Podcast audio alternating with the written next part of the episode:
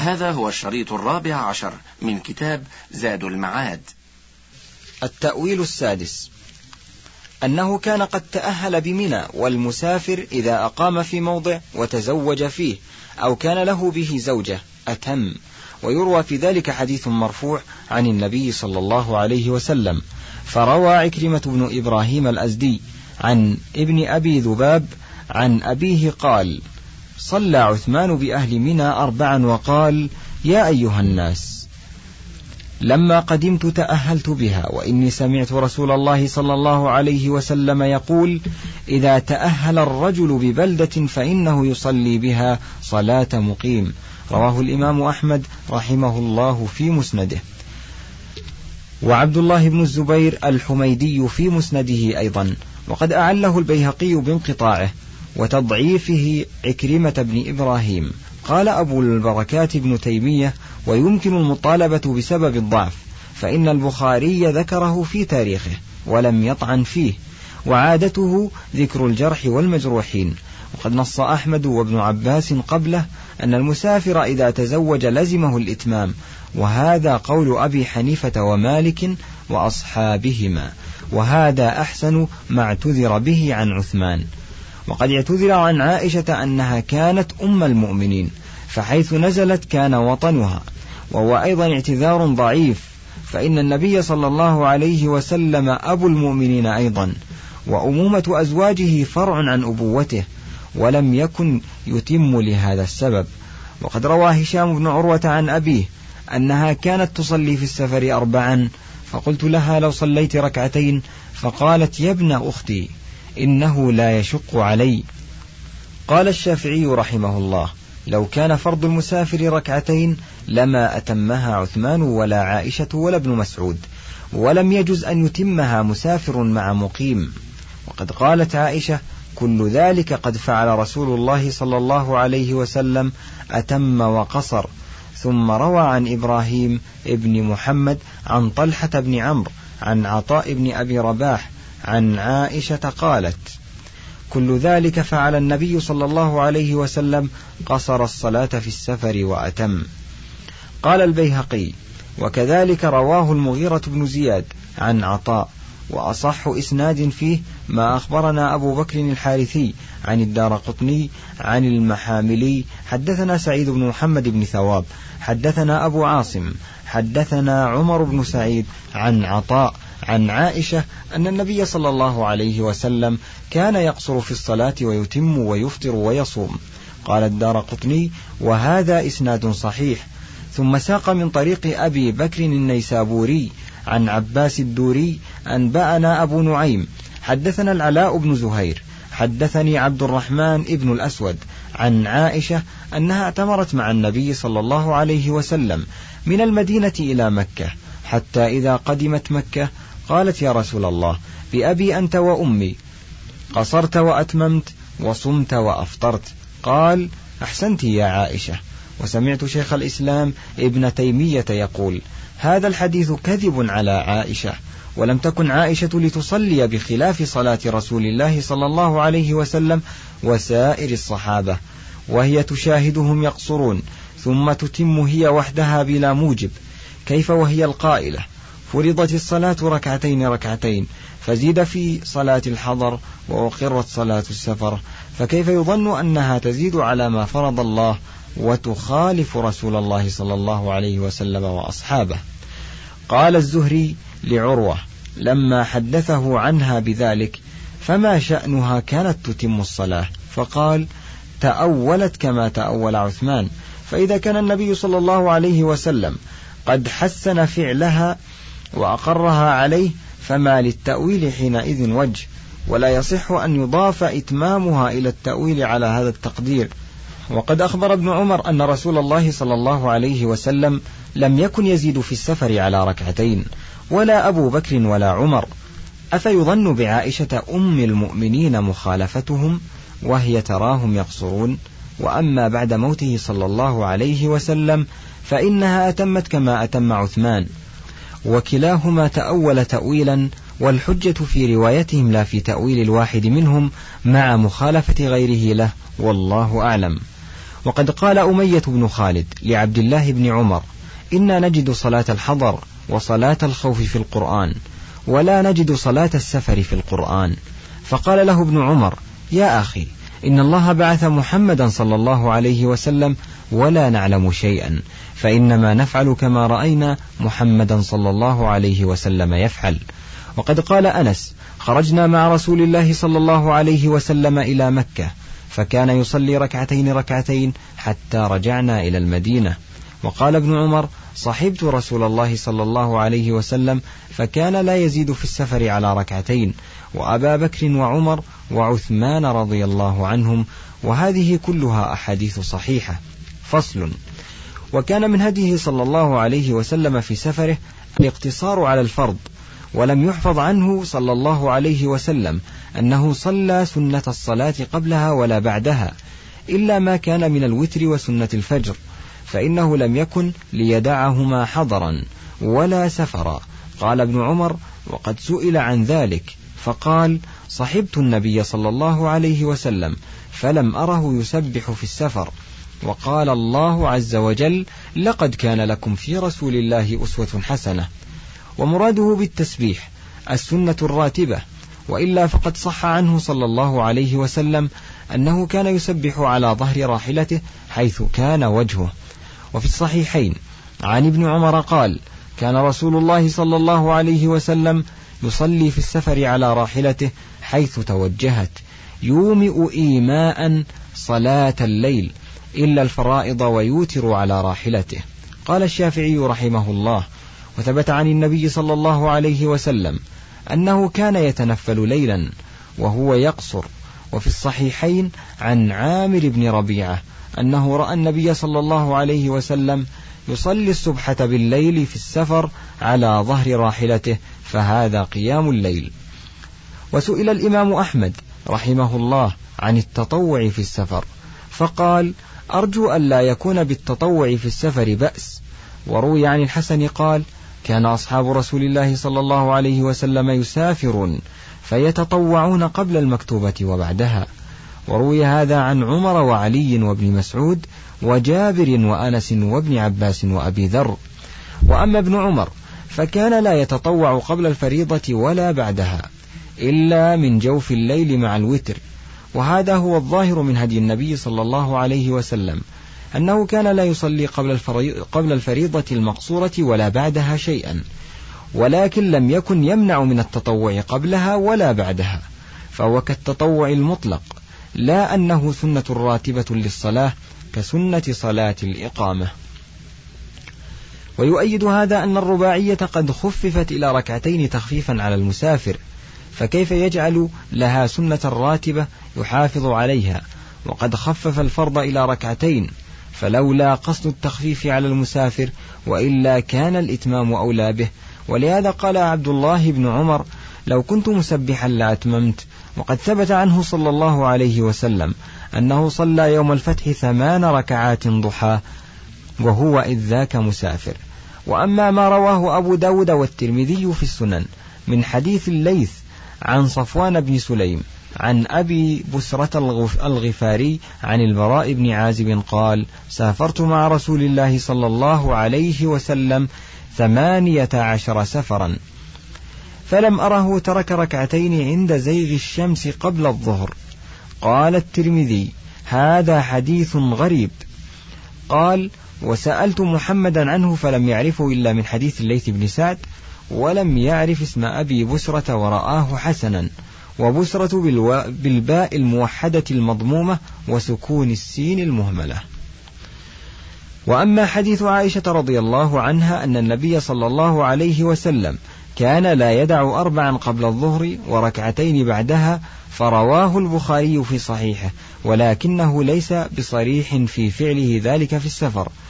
ولعلها أخبرت عن أكثر أحواله وهو الإقامة. والرجال أعلم بسفره من النساء. وقد أخبر ابن عمر أنه لم يزد على ركعتين ولم يكن ابن عمر يصلي قبلها ولا بعدها شيئا والله أعلم. فصل. وكان من هديه صلى الله عليه وسلم صلاة التطوع على راحلته حيث توجهت به. وكان يومئ إيماء برأسه في ركوعه وسجوده وسجوده أخفض من ركوعه. وروى أحمد وأبو داود عنه من حديث أنس أنه كان يستقبل بناقته القبلة عند تكبيرة الافتتاح ثم يصلي سائر الصلاة حيث توجهت به. وفي هذا الحديث نظر وسائر من وصف صلاته صلى الله عليه وسلم على راحلته أطلقوا أنه كان يصلي عليها قبل أي جهة توجهت به. ولم يستثنوا من ذلك تكبيرة الإحرام ولا غيرها كعامر بن ربيعة وعبد الله بن عمر وجابر بن عبد الله وأحاديثهم أصح من حديث أنس هذا والله أعلم. وصلى على الراحلة وعلى الحمار إن صح عنه. وقد رواه مسلم في صحيحه من حديث ابن عمر.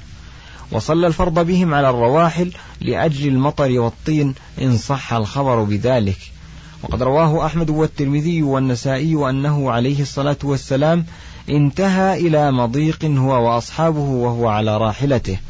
والسماء من فوقهم والبلة من أسفل منهم. فحضرت الصلاة فأمر المؤذن فأذن وأقام ثم تقدم رسول الله صلى الله عليه وسلم على راحلته فصلى بهم يومئ إيماء فجعل السجود أخفض من الركوع.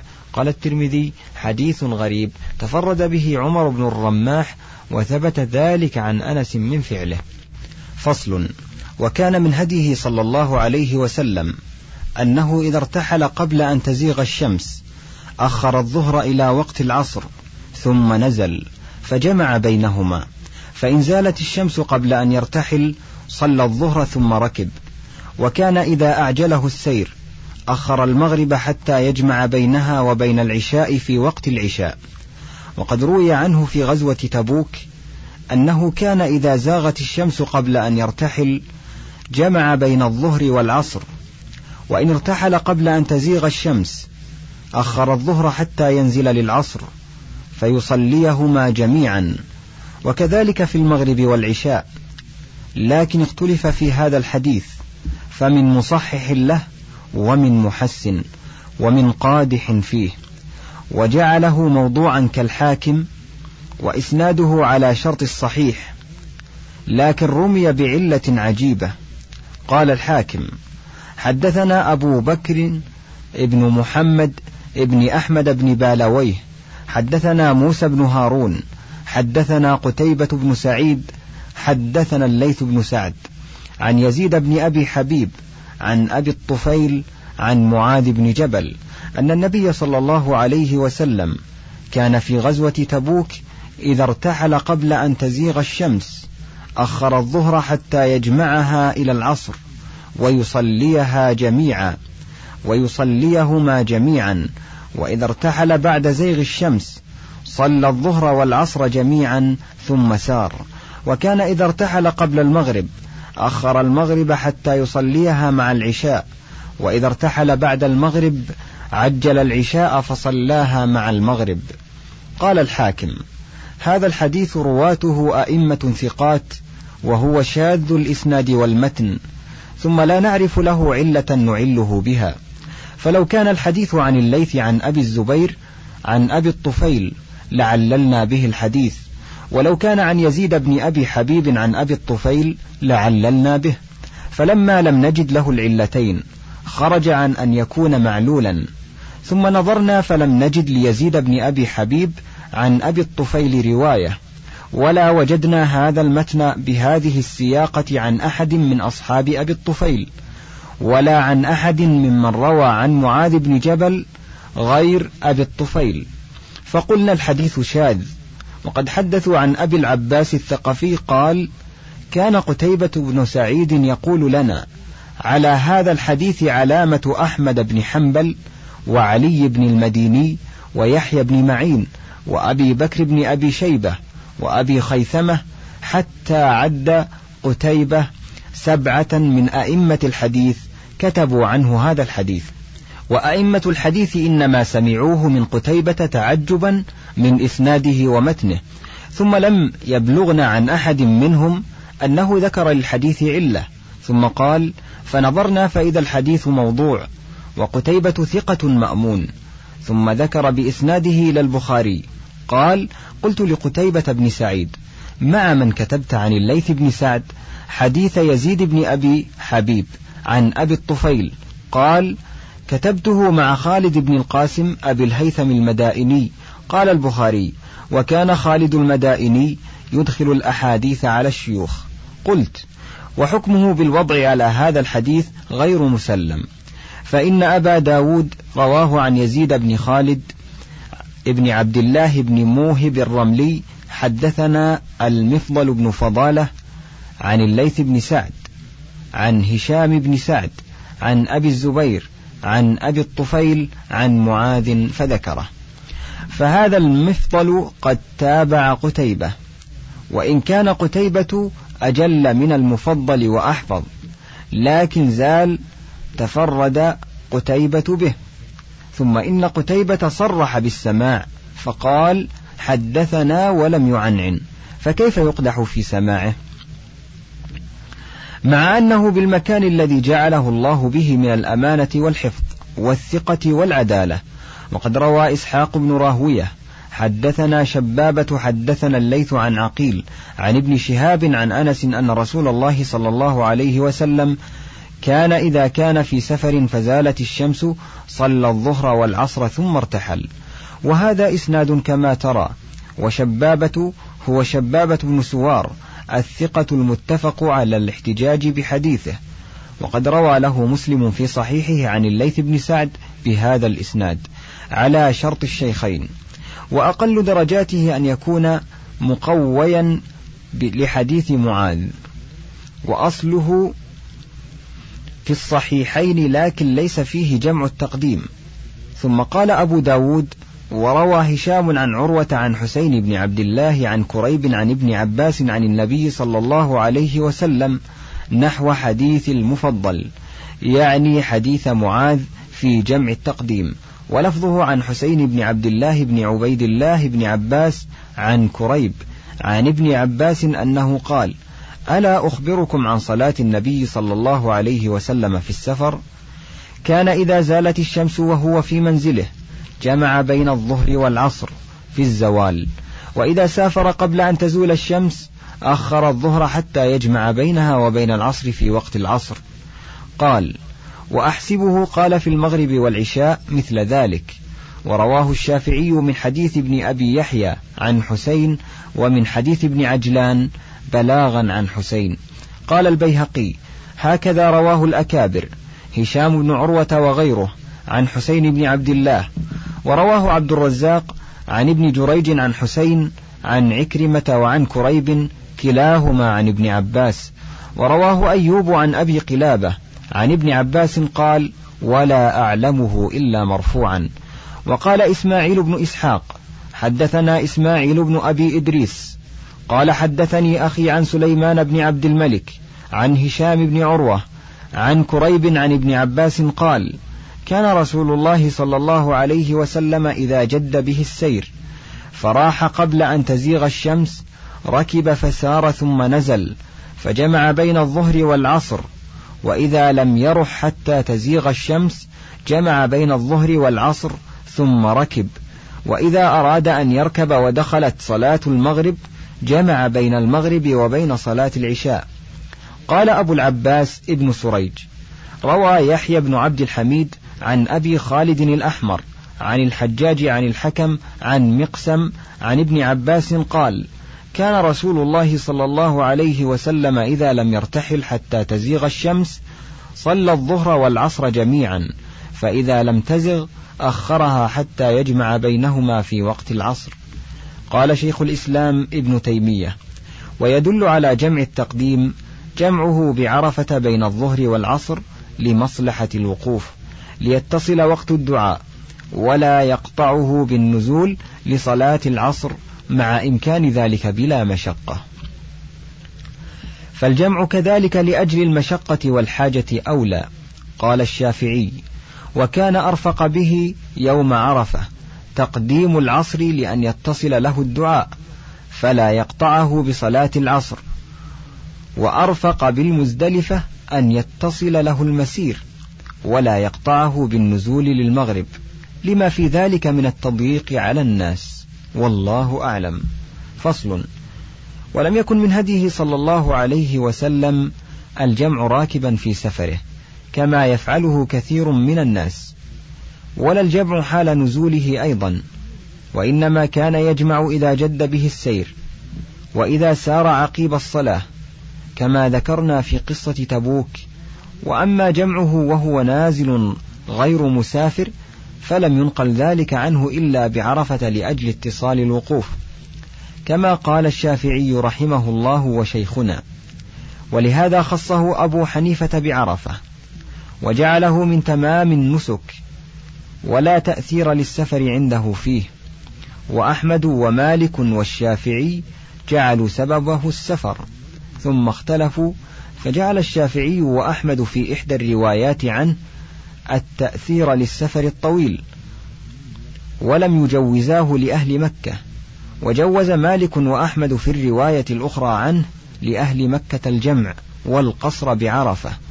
واختارها شيخنا وأبو الخطاب في عباداته ثم طرد شيخنا هذا وجعله أصلا في جواز القصر والجمع في طويل السفر وقصيره كما هو مذهب كثير من السلف وجعله مالك وأبو الخطاب مخصوصا بأهل مكة.